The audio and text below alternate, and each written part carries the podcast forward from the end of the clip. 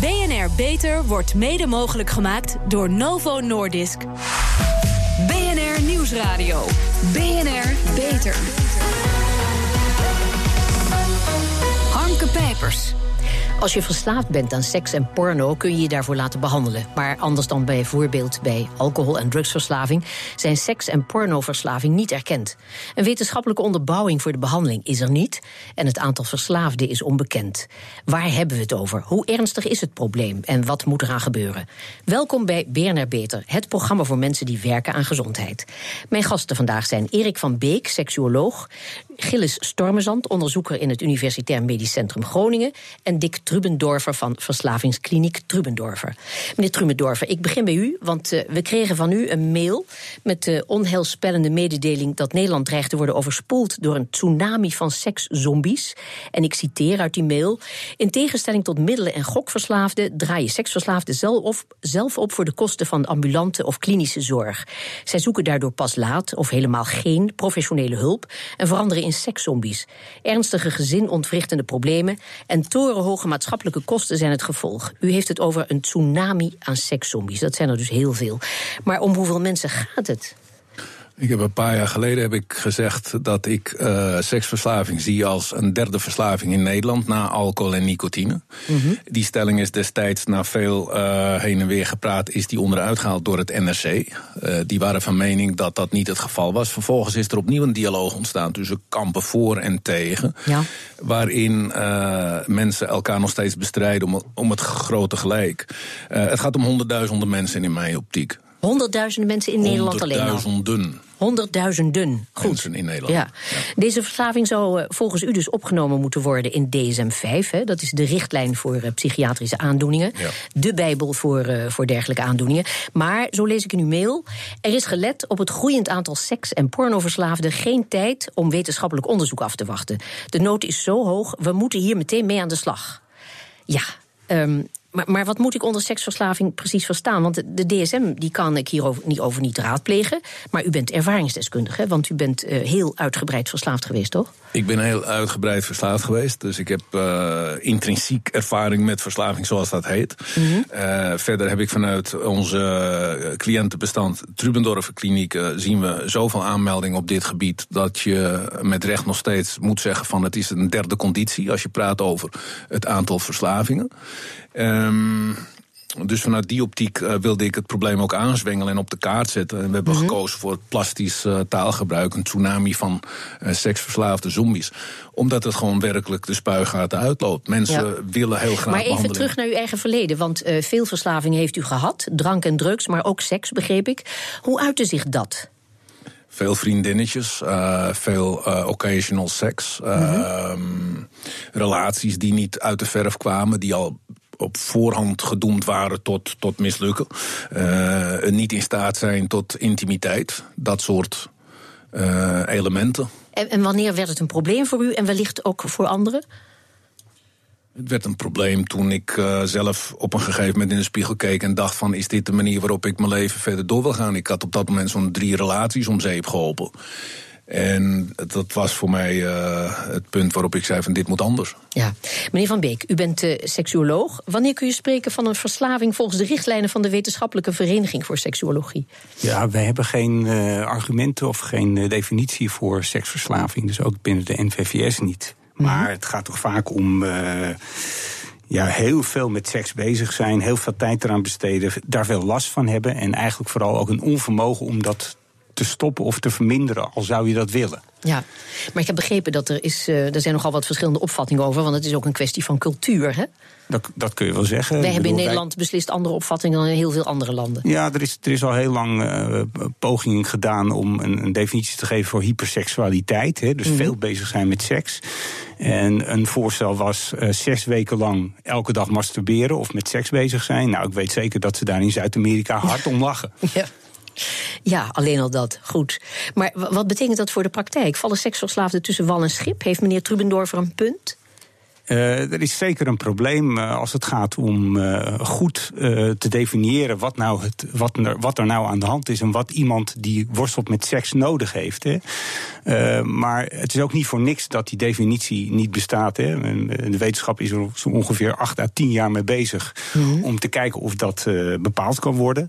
Maar ja, uh, dat is hartstikke moeilijk, want er zijn hele grote culturele verschillen. En het betekent nogal wat uh, om, om, om te zeggen dat iemands problemen met seks een ziekte zijn. Ja, want dat, dat is dan, dan kunnen we kijken naar homofilie. Ik bedoel, dat zal in veel landen zal, zou het daar ook nog in terechtkomen. Ja, dat zou dan niet niet per se vallen onder seksverslaving, maar dat is ook afwijkend seksueel gedrag. En alles wat afwijkend is, daar zit ook een norm op. En zoals u al zei, er zijn grote culturele verschillen. Ja. En je moet toch uh, een wereldwijde definitie vinden om dat goed vast te stellen. Nou, dat is echt ontzettend moeilijk. Uh, nou, daarnaast, omdat er geen definitie bestaat, zijn er ook geen goede meetlijsten. Dus hoe kan je nou in godsnaam bepalen hoeveel seksverslaafden er zijn als je niet eens weet hoe je dat wil definiëren. Ja. Maar als we nou niet gaan discussiëren over het absolute aantal, als we nou gewoon zeggen er is een probleem en we stellen ook vast er is een oplossing. De nadruk die hier gelegd wordt op wetenschappelijk onderzoek, uh, dat zorgt ervoor dat de discussie versluierd raakt. En dat is nu juist mijn punt. Maar hoe gaan we... Ja, meneer Storm, uh, die hebben we nog niet gehoord. Ja. En heeft u ook, uh, houdt u ook bij hoe uw behandelingen werken? Heeft u bijvoorbeeld metingen van tevoren en heeft u metingen ja, na de behandeling om echt aan te tonen dat hetgene wat u doet werkt? Ja, wij uh, doen uh, als GGZ-aanbieder doen we bij Trubendorf Klinieken mee aan de landelijke ROM-meting. Uh, dat is één instrument waarmee we effect bekijken en uitzoeken en registreren. Uh, een andere factor is, uh, daar hadden we het zo even in de voorbespreking over. Dat zijn op basis van het werken, het wonen, de indirecte criteria. Ja. Dat doen we de Consumer Quality Index meting, doen we daarmee.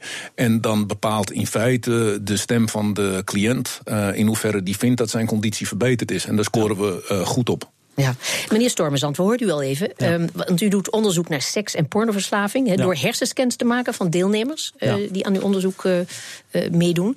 U bent op zoek naar iets wat meneer Trubendorfer als bewezen acht. He, dat, dat, je aan de hersenen zou kunnen zien of er sprake is van een seksverslaving. Zoals je dat ook kunt zien bij andere verslaving, verslavingen. Maar wat zie je dan precies? Nou, als je op dit moment kijkt naar andere verslavingen, dan zie je dat pornoverslaving nog een beetje onderbelicht is in de wetenschappelijke mm -hmm. wereld. Als je kijkt naar, naar seksverslaving, we weten wel dat als je naar porno kijkt, dat er bepaalde gebieden worden geactiveerd die je ook uh, geactiveerd ziet bij, bij alcohol of cocaïne en dergelijke.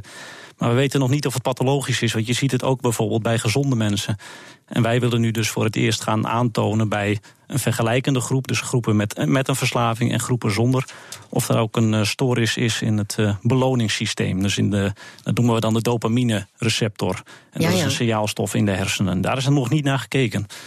Eh, want, want iemand die verslaafd heeft, daar zou die beloning, die dopa, dopamine beschikbaarheid, die zou niet goed geregeld zijn. Ja, als je kijkt naar andere verslavingen, ook eigenlijk alle verslavingen die in de DSM-5 zijn opgenomen, die er zijn eigenlijk allemaal wel aangetoond dat, dat haar uh, D2-receptor beschikbaarheid, dat die eigenlijk verminderd is. Dus het is zeer aannemelijk, of in ieder geval een goed een goede eerste stap om dat te gaan onderzoeken ook bij, uh, bij ja. Maar ik, ik begreep dat het allemaal niet heel erg van een leien dakje gaat, dat onderzoek van u. Want het was moeilijk om de financiering rond te krijgen. Maar de afdeling gaat het nu zelf betalen. Hè? Want, ja, er eh, zijn op zich weinig fondsen die, uh, die belang hebben om dit te financieren. Mm -hmm. We hebben niet echt financiële problemen, maar er is gewoon weinig belang.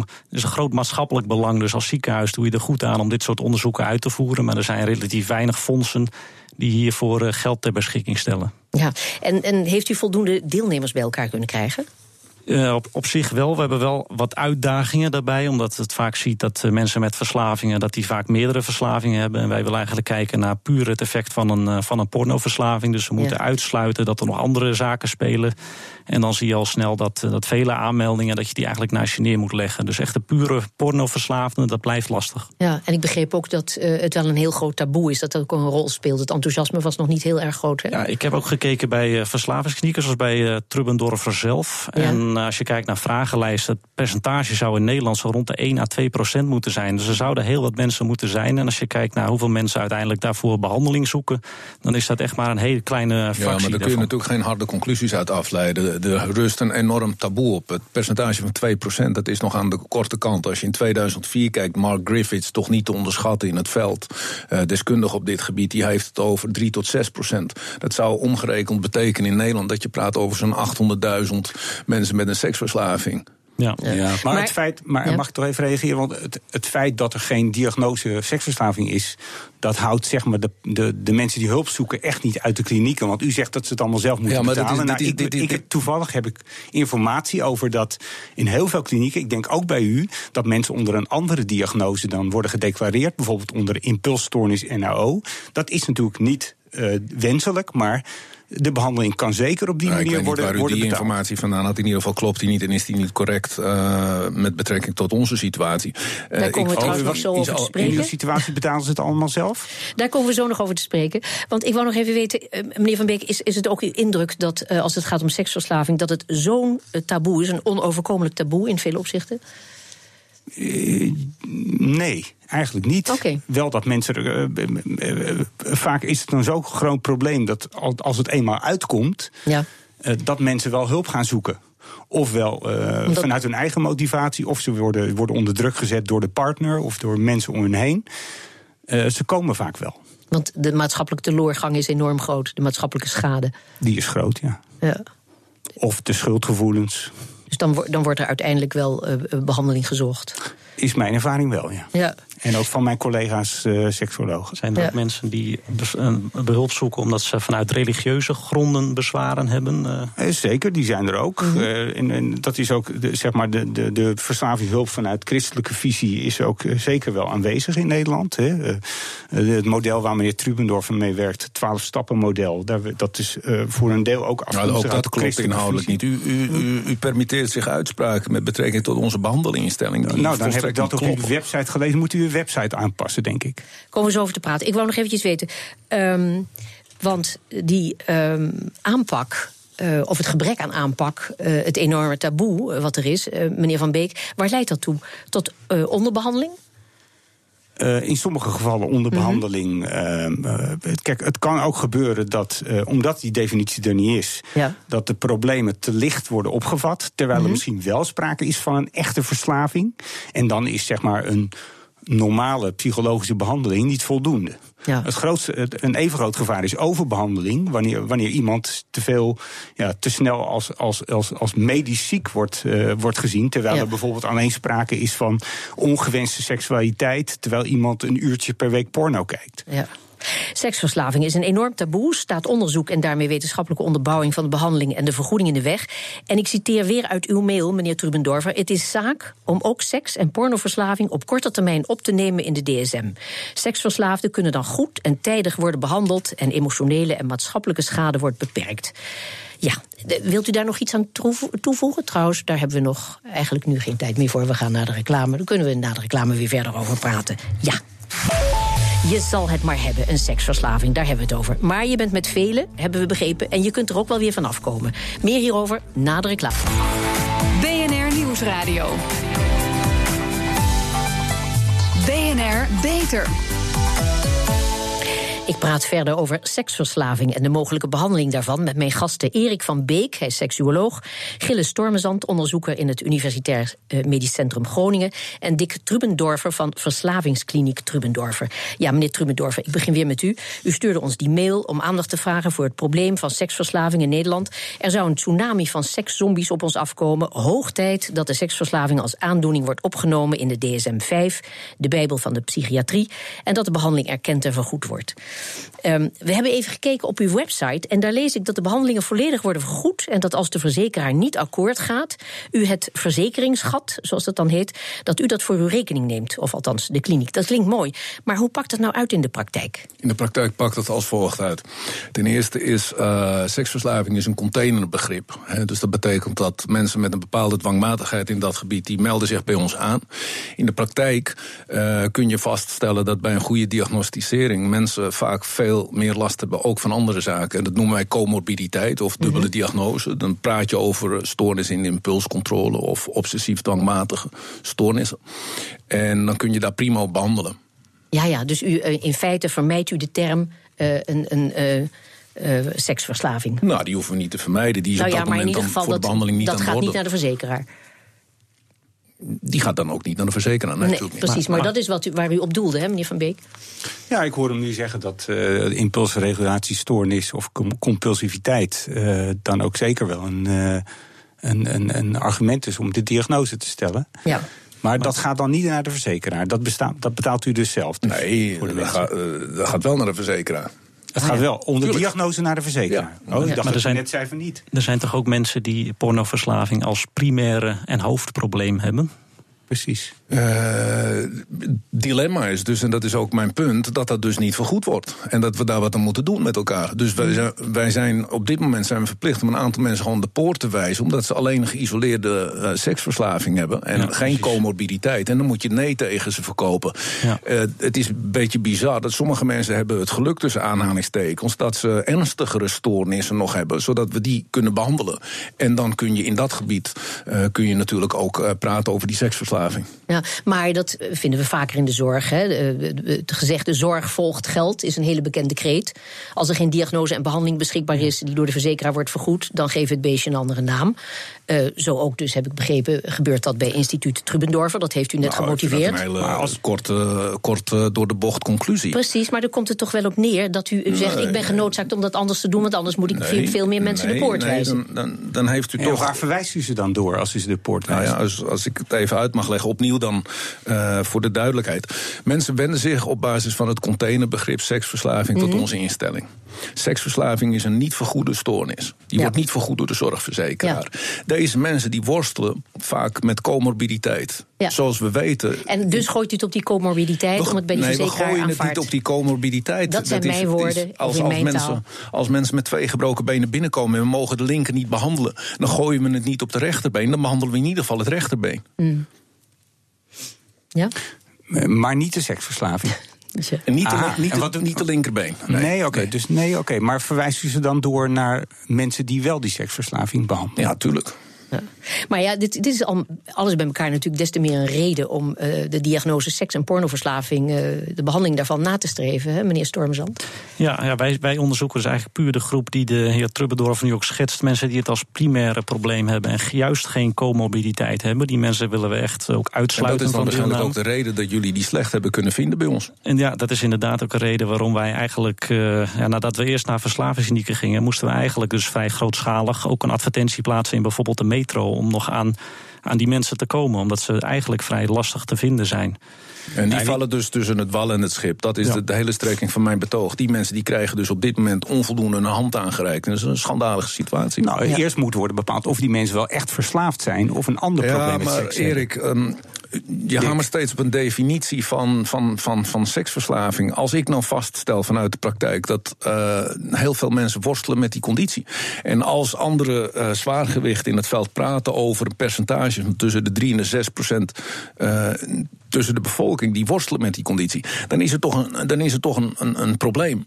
Zeker, maar ik, ik ben... En, ik, En dan, dan ik- ga je toch ik- niet soebatten over, over die definitie. Nee, Dus- maar wel over de soort verslaving die mensen krijgen. Of het een, verslavings vanuit, of een, een, een behandeling is vanuit het verslavingsmodel of vanuit het seksuologische maar dat model. zijn details. heel Dat vers- maakt, mij dat niet uit waar, het maakt mij niet uit waar die behandeling vandaan komt, als die er maar komt. U bent erg van de eh, praktische oplossingen, meneer Het Trubendorfer. lijkt hè? mij wel, ja. ja. Ja. gelukkig wel. Maar d- dan kan ik wat u nu zegt eh, helemaal niet rijmen met eh, de opname van eh, eh, het, het telefoongesprek wat er vanmiddag gevoerd is met de redactie. Want daarin zegt u dat u vooral die opname van de behandeling in de DSM dat dat helemaal niet moet, want dan krijgen we een explosie van kosten. Wat bedoelt u daar nou Nee, precies mee? Wat streeft u nou nee, precies nee, na? Ik, ik, ik, moet, ik moet toch een beetje kritisch zijn over het, eh, de, de voorrapportage. Want dat is niet wat ik gezegd heb vandaag. Dat is wel wat ik gezegd heb. We kunnen het op internet zetten en dan eh, kan ieder op de website van BNR, dat kan is- iedereen het horen. is, dat is, u bent een beetje kattig, dat is prima, dat mag in de Ja, nee, maar u moet ook niet liegen. Maar ik bedoel, u- dit heeft u gezegd. En eh, ik heb het nog een keer afgeluisterd, want ik dacht, omdat ik het niet begreep. Ik dacht, Ik heb in de eerste plaats krijg ik- krijgen we een mail dat er moet aandacht komen voor het feit dat er deze kwalen moeten worden opgenomen in de DSM-code. En dan vervolgens, toch dan zegt u het moet maar vooral niet in de DSM-code, want dan is het niet meer te betalen. Dat is jammer. Nou, ik denk wat u betreft misschien iets te goed. Maar eh, misschien kan ik antwoord geven op de vraag. Ja, want u wilt hopelijk toch eh, een soort van, van, van, van, van eh, waarheid hier op tafel krijgen over wat mijn visie is op dit Ja. gebied. Het punt is, als Nee, je maar ik wil nog even graag weten wat nou de reden is om te zeggen van het is maar beter dat het niet in die DSM komt. Want dan is het niet te Nee. betalen. Dan gaan al die verzekeraars die slaan aan. Ja, die verzekeraars die slaan aan, dat heb ik gezegd. Dat klopt. Ja, ja, precies. Ja. Ja. Maar ik heb niet gezegd dat ik vind dat het niet in de DSM moet komen. Nou, dat heeft u wel gezegd. Oké, nou dan gaan we dat Ja. uitzoeken. Nou, er valt niet veel aan uit te zoeken. Ik heb het gewoon op uh, telefoon staan, maar goed. Nou, laten we dat dan horen nastreven. Ja. dat het er niet in komt. Ja. Ja. Ik, ik zou het wel eens willen horen nu als u uw productie en uw voorbereiding zo stand te peden klaar heeft. Dan gaan we dat nu horen. Anders moet u oppassen met dat soort Nee, dat uitspraken. heb ik niet het nu is een klaar, want het staat op, het van staat op mijn telefoon. gasten. En dan moet dan, dat is ook midden in dat gesprek. bezig. En dat kunnen we op de, op de website zetten, geen enkel probleem. Goed, eh, meneer Van Beek, hoe moet het nou verder? Of is het probleem nou helemaal niet zo urgent als meneer Trubendorfer doet voorkomen? Zou dat ook nog kunnen? Ik Want, denk- want ik heb ook eerder begrepen dat het, het gevaar dreigt. eh, men is bang voor enerzijds onderbehandeling, anderzijds overbehandeling. Ja. Nou, dat is natuurlijk wel een probleem. Kijk, eh, als je mensen onterecht een, eh, eh, zeg maar een, een verslaving opzadelt, dat is niet niks. Dat is een, dat is een, medische ziekte Ja. waarvoor je lang behandeld moet worden om daarvan af te komen. En misschien kom je er ook nooit meer vanaf. Hè. Dat is een beetje de definitie van verslaving. Ja. Dan moet je wel heel goed weten of, zeg maar, of, of de problematiek waarbij de patiënt komt, of die inderdaad ernstig genoeg is om dat eh, op die manier te benoemen. Ja, meneer Stormezand, hoe kijkt u daar tegenaan? Ja, ik denk dat, dat hij helemaal gelijk heeft. Ik denk eigenlijk dat we allemaal op zoek zijn naar diagnostische criteria. Ik denk dat, dat psychiaters echt met diagnostische criteria moeten komen. En voordat je daar bent, denk ik dat je moet vaststellen of er überhaupt een echt pathologische staat van pornoverslaving bestaat. En dat zou je bijvoorbeeld kunnen doen, dus waar wij naar kijken, naar de dopamine-receptor. Op het moment dat je daar een kwetsbaarheid in het brein aantoont, die je ook bij andere verslavingen ziet, ja, dan heb je bewijs dat er een pathologische staat van pornoverslaving er is. Nou ja, bewijs, je, je kan aantonen dat het er op dat moment Het is- het is weet niet ondersteunend. wanneer- je weet niet wanneer dat ontstaan is, hè, die Nee. afwijking. Of dat komt door de pornoconsumptie of dat het al Dat van soort studies kunnen we aanwezig was. mensen niet opstarten. Als je bij apen kijkt bijvoorbeeld, dan weten we inderdaad dat het allebei het geval kan zijn. En genetische aanleg, maar ook bijvoorbeeld door het gedrag zelf. Ja, maar het grootste geval, gevaar van medicalisering is natuurlijk dat eh, de farmaceutische industrie geïnteresseerd gaat worden. Kijk, in Amerika bestaan er al medicijnen tegen seksverslaving, hè, Ja. zoals die daar gehanteerd wordt. Antidepressiva. Zoals en ook Viagra ook geprobeerd is bij Androkuur, eh, vrouwen erin zeg te krijgen. wat bij Ja. zedendelinquenten wordt gebruikt. Gelukkig Ja. is Nederland nog niet zover. Eh, maar dat gevaar bestaat natuurlijk als je de medische vrijbrief brief, eh, geeft. Ja. Goed, meneer Trumendorfer, het laatste woord is aan u. Het laatste woord is aan mij. Ik vond het een, een flagrant gebrek aan respect. eh, de wijze waarop u als eh, presentatrice op een gegeven moment denkt mij te moeten beschuldigen van liegen in de gespreksvoering. Ehm, dat eh, ter notering voor, voor uzelf. Ik moet. ja, het is, het, is, het is eigenlijk te, te, te slecht voor woorden. De voorbereiding Ik voor beschouw dit het uit uw mond als een groot compliment. Hartelijk dank, Erik van Beek, Gilles Stormezand gedaan. en Dick Trubendorfer. De meeste mensen willen het liefst zo slank mogelijk blijven, maar voor veel mensen blijft het een eeuwig gevecht tegen de kilo's. Verslaggever Harme van der Veen zocht uit hoe het zit met onze aanleg. Hij sprak met Martijn Katan, hoogleraar voedingsleer aan de Vrije Universiteit van Amsterdam. Kunnen mensen aanleg hebben om dik te worden? Is dat een feit of een fabel? Het kan ja, maar eh, dat mensen heel dik worden alleen maar door de genen, dat is uiterst zeldzaam. Het is wel zo dat sommige mensen iets meer aanleg hebben voor dik worden, omdat ze erfelijk meer trek hebben. Maar de meeste verschillen in eh, vetzucht die worden toch bepaald door de omgeving. Ik zie soms wel eh, vader, moeder, eh, drie kinderen, allemaal behoorlijk fors. Ja, maar als je die kinderen had opgevoed in een ander gezin. Dus eh, er gebeurt wel eens dat kinderen na de geboorte eh, geadopteerd worden ergens anders. Dan eh, krijgen ze toch meer de dikte van de omgeving dan van hun biologische ouders. Dus er is niet een genetische verklaring voor dik worden. Als iemand dik is, dan heeft het weinig zin om te zeggen van het zit in mijn genen. Eh, ja, het kan zijn dat je door je genen meer trek hebt doorlopen dan een ander, maar dat is meestal toch maar een heel klein stukje van het verhaal. We zien dat eh, dik zijn, dat zit typisch bij eh, laag opgeleide, arme, minder geprivilegeerde mensen. En dat ligt eraan eh, dat ze in een omgeving wonen die weinig geschikt is om veel te bewegen en die aan één stuk door lekker eten aandraagt. En eh, dat is de voornaamste reden dat ze dik worden. Dus het is niet inderdaad genetisch bepaald, maar meer de sociale ladder die veel invloed heeft. Het is meer de sociale status die het dik worden beïnvloedt dan de genen. Ik heb zware botten, hoor je ook wel eens. Uh, nee, daar ligt het niet aan. Uh, die botten die maken, nou ja, hè, misschien 1, 2 kilo uit. Maar iemand die heel veel te veel weegt, dat is grotendeels vetweefsel. Tot zover deze uitzending van BNR Beter. Op bnr.nl slash beter is deze uitzending terug te luisteren. En we zijn ook op Twitter te vinden onder BNR Lifestyle. Dus heeft u tips voor ons? Laat het ons vooral weten. Ik ben Harmke Pijpers. Tot een volgend spreekuur. BNR Beter wordt mede mogelijk gemaakt door Novo Nordisk.